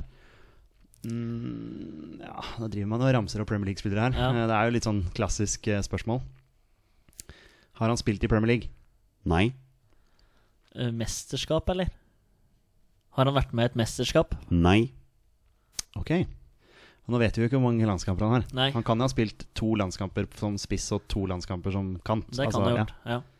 Uh, ok, Han har ikke spilt i Premier League, han har ikke vært med i mesterskap. Så han er jo ikke Ja, Det spørs selvfølgelig hvilket år uh, Hvilket år han var eh, aktiv. Skal vi prøve oss på det, da? Ja. Finne ut når han la opp. Jeg, var litt inne på samme som deg, men uh Tenker du liksom om han var eh, aktiv på landslaget etter eh, 2005, eller altså Er du der, eller? ja, hvor langt, altså, Jeg tenkte 2015 først, men altså, vi kan jo godt ta Ja.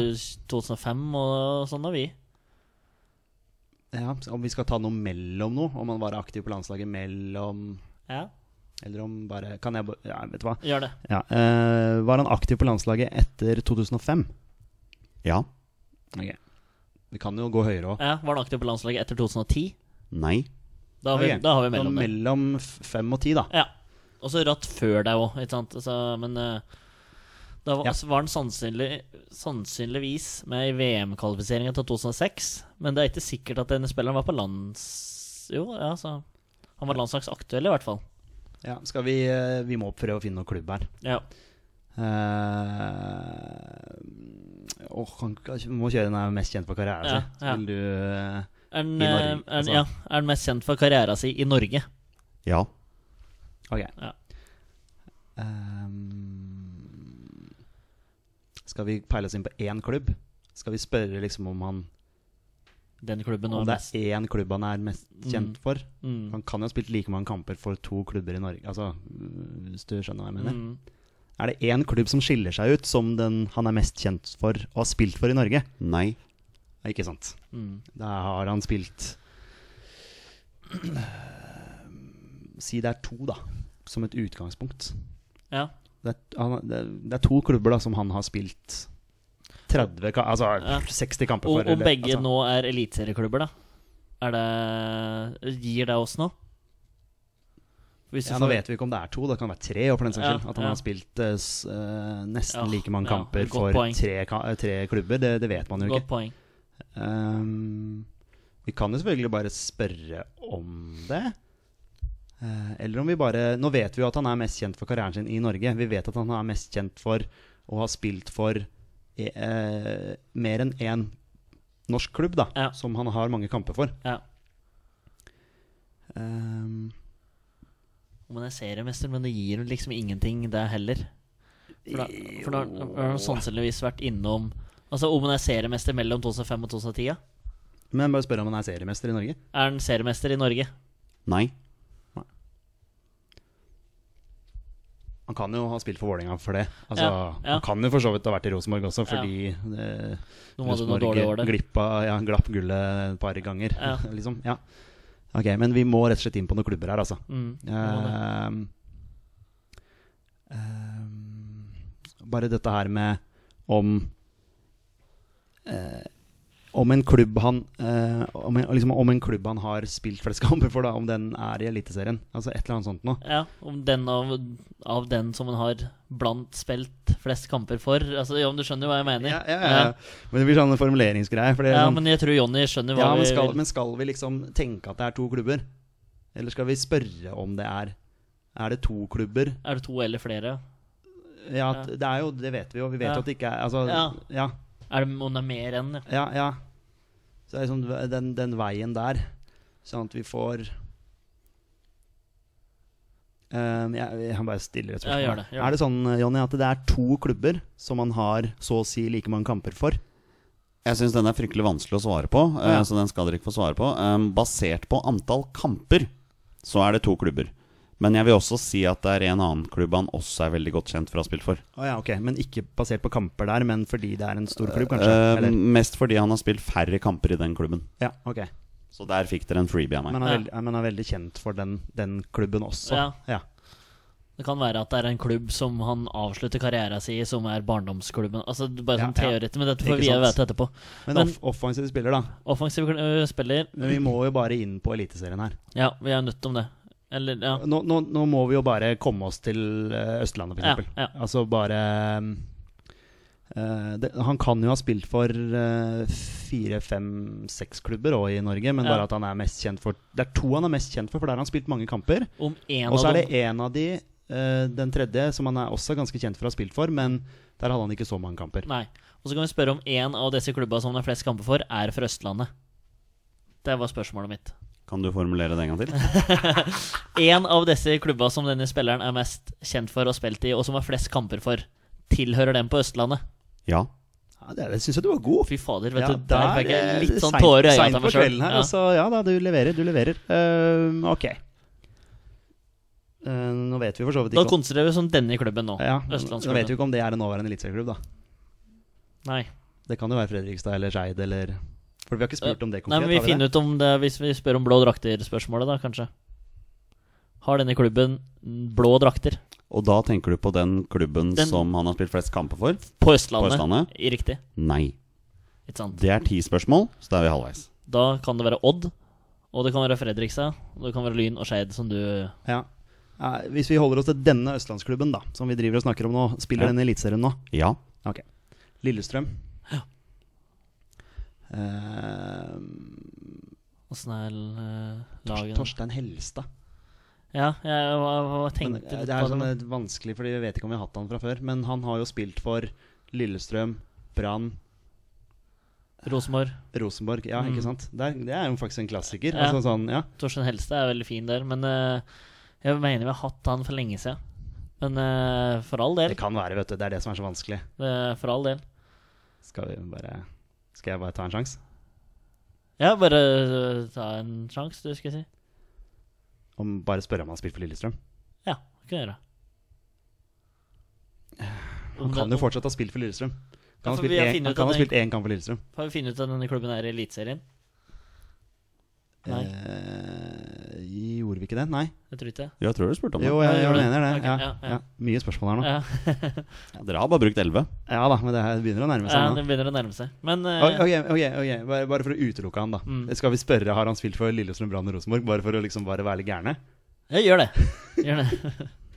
Har han spilt for Lillestrøm, Brann og Rosenborg? Nei. Ah! Der håpa jeg så på ja! Vi har hatt han før. Ja, ikke sant. det er jo Torstein har ikke med den lista si, så da Nei, men du hører hva jeg sier. Nei da. Eh, men skal vi Altså, det er Lillestrøm eller Odd her, da. Yolo. Lillestrøm eller Odd. Ja, han kan jo selvfølgelig fremdeles ha spilt for, eh, for Lillestrøm. Kanskje han har spilt for Rosenborg, han her òg. Ja. Men er denne østlandsklubben som vi har konsentrert oss om, er det Lillestrøm? Nei. Du gikk på den, ja. Mm, jeg bare tok den, jeg. Jeg orka ikke tenke mer på det. Beklager. Nei, jeg tenkte jeg kanskje at du ville kjøre Lillestrøm eller Odd, bare Ja. sånn for å være safe. Ja. Uh, nei, nei, ok. Nei, nei. Uh, men nå har vi Drakter, hvite drakter, da, så har vi Rosenborg og Odd der. Ja, men nå skal vi holde oss til den østlandsklubben. Ja, ja, ja. Ja, og du har spurt om blå drakter, ja. Det var det ikke. og det var ikke det. Og Lillestrøm er det heller ikke. Nei, da må det være Odd. Og vi har spurt konkret om det er en eliteserieklubb, Ja. nåværende eliteserieklubb, Mm, som vi driver og snakker om nå. da må det være Odd. Ja, for Stabæk forsvinner jo, Strømsgodset, Vålinga, Sarpsborg. Tommy Svinna Larsen er du ikke. Jeg bare prøver å name-droppe for meg sjøl. Odd. Hvis det er Odd. Simen Brenne, nei, nei, nei. nei. Spiss. Ja. Frode Johnsen er det ikke. Nei, for han har vi hatt før. Han mener jeg òg vi har hatt før. Odd, uh, Odd og Rosenborg passer fint inn der. Ja. Men han har også har, har Frode Johnsen spilt for en tredje klubb? Det kan hende, ikke sant? Ja. Det husker ikke jeg, i Nei, men jeg mener jeg har spurt om det her før, om han hadde spilt i Japan. Og da Ja, ok. Ja. Uh... Altså, jeg skal ikke være fæl på det, men uh, Men han her var aktiv på landslaget mellom 2005 og 2010 2005 og 2010. Han kan jo selvfølgelig ha spilt landskamper før 2005 også. Ja. Hvor god tid har vi på å finne den andre klubben her, da? Om vi tør å gå på det kjøret der, for nå har vi fjerna hele Østlandet, i hvert fall. Og hvis Ja, vi mener, vi mener jo at vi har gjort det nå. Ja, og Rosenborg telles som Nord-Norge i dette her. Og Vestlandet så har vi Brann og Viking. Ja, Haugesund. Og Haugesund. og så hvis vi da teller med Molde der òg, Ja, ja vi teller med Molde Ja. der også. Beklager. Kristiansund Få det ut. Så da har vi jo Kristiansund hele også, eliteserien ja. der. Ja. Eh, bare kjør sånn som du tenker du nå, Torstein. Ja, men skal jeg spørre om denne klubben, den andre klubben her Om det er Ja, med, nord, om med den, da flest kamper. ja, liksom. med flest kamper for, om den tilhører Nord-Norge. Så da har vi Rosenborg, Tromsø, Bodø-Glimt. Den andre klubben her, Jonny, som han, denne spilleren her har flest kamper for i Norge. Eh, vil du si at den klubben tilhører Nord-Norge? Altså Rosenborg, Bodø-Glimt eller Tromsø? Nei. Nei, det Da- Ranheim der òg, da. Men, eh, Ja. ja, men det ja. Men eh, da har vi Vestlandet med de klubba. ja. Og så har vi draktfarger. Fordi da går Molde, Kristiansund og Viking på blått. Ja. Den andre klubben her, eh, Jonny, som vi fortsatt driver og jakter på her, da. Tilhører den Vestlandet med de klubba som nå er nevnt her? Nei. Det er 15, så dere har fem spørsmål igjen. Er den også på Østlandet, da? Nå begynner jeg å bli dårlig. Ja, nå, nå knoter vi. Å, sorry. Um...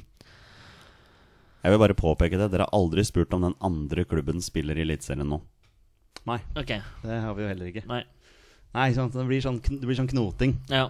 Men hvis vi har Odd som et utgangspunkt, Odd da som et Vi vil utgangspunkt. tro at han har spilt for Odd. Vi vet Ja. jo ikke det 100 sikkert Nei. nå, men vi regner med det. ja. Ehm, Odd Den ser liksom bare for meg Frode Johnsen. ja. Morten Fevang. Christian Flint Bjerg. Ja, Ed Edvin van Anker Ja, og sånn. Det er sånn, liksom de ja. spillerne Fernando der. Jornelas. Torgeir Børven er vel Ja. fortsatt aktiv, så han er det ikke. Han er det ikke. Ehm, hvem fler Nå hadde det jo faktisk vært interessant med antall landskamper. Så det er liksom, Ja. altså, han bare sånn for, Ok, han, ja, han, spilte, ja, han spilte 45 minutter, altså, Ja, sånn som du sa, da. Det kan være det. Sant? Vi er. Ja. Og vi har ikke sånn, sånn Han prøvde sikkert å hjelpe oss litt der med å si at uh, det er ikke sikkert at den andre, klubben spiller Nei, der som han er. men da er det frykt... Det, det har vi til ti har vi. Men jeg, jeg kan si at den andre klubben tilhører ingen av de landsdelene dere har ramset opp nå. Nei, så det kan være Start, sant? Ja, vi har glemt, eh, vi har glemt Sør. Ja.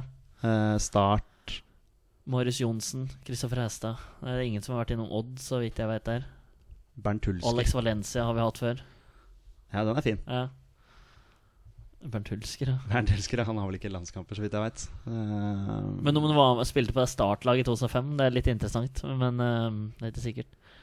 ja, hvem var det som spilte Fredrik? Strømstad. Nei, Ja, han har ikke vært i Odd, ikke- han, vet du. Nei, men han er ikke spiss heller, ikke sant? Han er ikke Nei, nei, nei, nei, nei, Dette er jo en det glemmer. frontspiller. Ja. Altså en som har figurert uh, både litt på topp og uh, litt på kant. Ja. Uh, han kan ha spilt én kamp som spiss for Norge og én kamp på kanten for ja. Norge. En omgang på hver sin side. så Det går jo selvfølgelig an å bare spørre om han har spilt for Odd og Start. Ja. Altså bare for å gjør det. Skal vi bare gjøre det? Ja, gjør det. Så tar vi en rå sjanse. Ja. Har han spilt for Odd og Start? Ja. Flott. Det Ja. var viktig å få. Men da er det jo en odder og en starter her, så ja. ja herre min. Men han har ikke seriegull, så vant han ikke seriegull med start i tos... Nei, han, de har jo ikke seriegull heller. Men du, jeg, spør, jeg, spør, men spurte, Er det, du, er det du som er på besøk i Jardar Birkeland? jeg, spurte, nei, jeg spurte om eh, seriegull. Jeg tok tok ikke medalje. Men det hadde vært håpløst. ja. ja.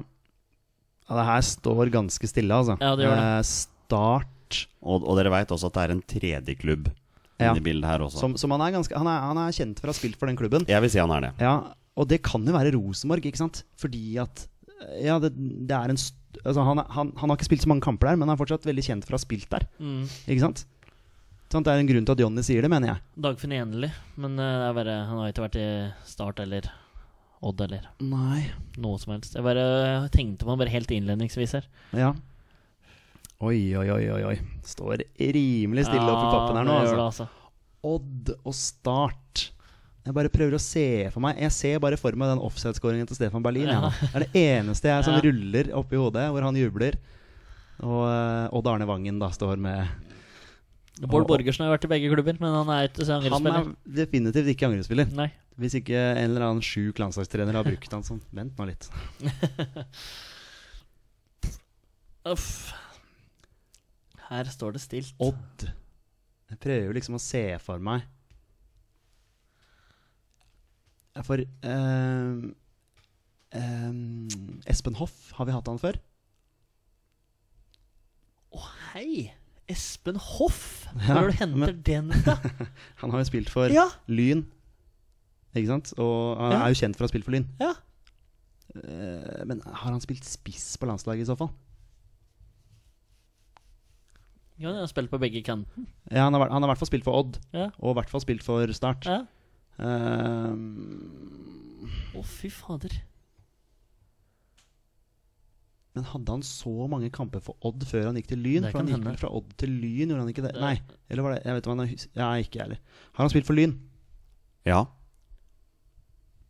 Han fikk jo rødt kort, og så sklei han jo i garderoben der. Det er jo et kjent klipp som har gått veien rundt. Jeg mener han skåra hat trick mot Vålerenga en gang for Odd. Det mener jeg husker. Eh, og, han, eh, og nå senere, når han scora eh, mål nå, så har han feira med en sånn L. Ja, det er sant. Jeg tror eh, samboeren hans begynner på L. Ah, ja. Ja, et eller annet sånt nå.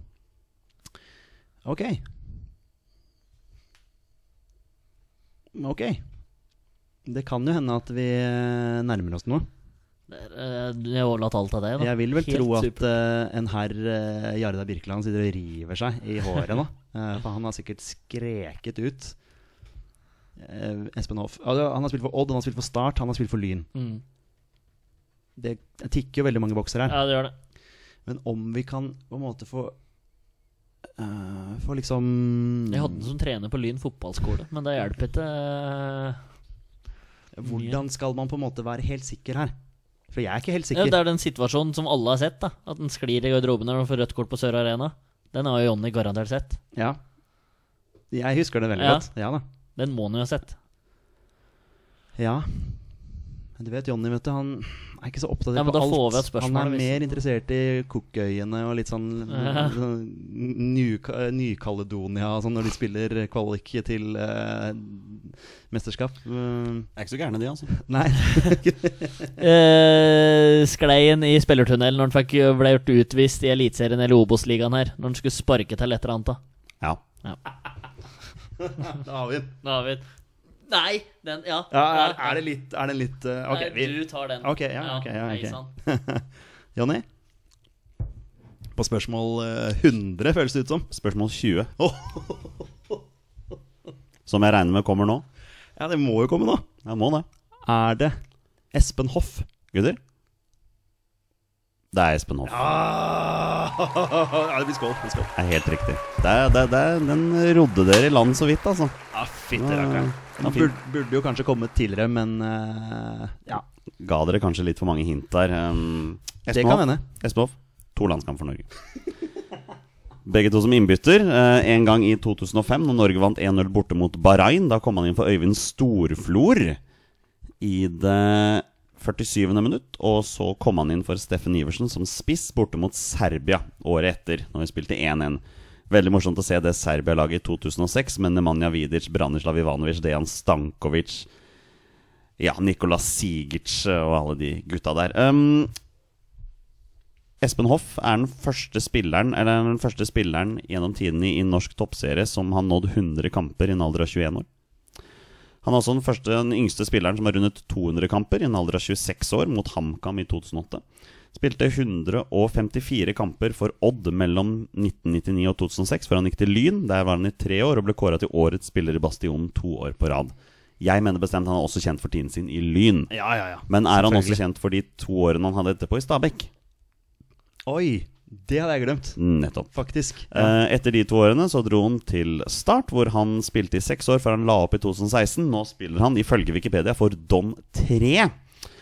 Eh, borte på Sørlandet Der, så har han tydeligvis grodd fast der, altså. Um, ja, en stor profil i, eh, i norsk toppfotball gjennom tidene, vil jeg si.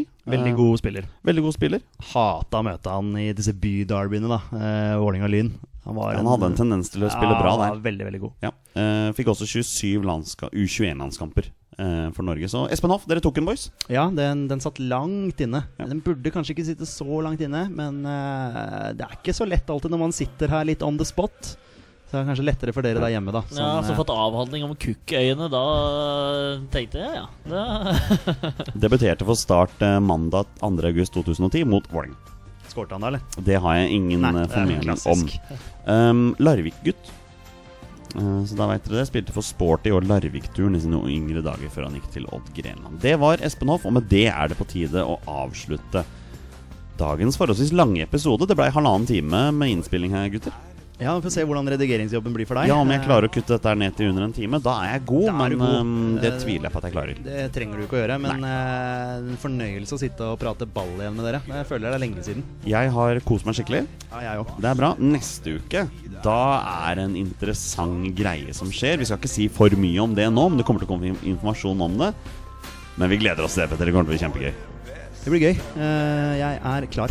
Er du klar, Torstein? ja, det blir en fin test. Det blir så absolutt en fin fest. Vi er våre beste menn. Heia Norge. Heia Norge. Hei, Norge. Og hei!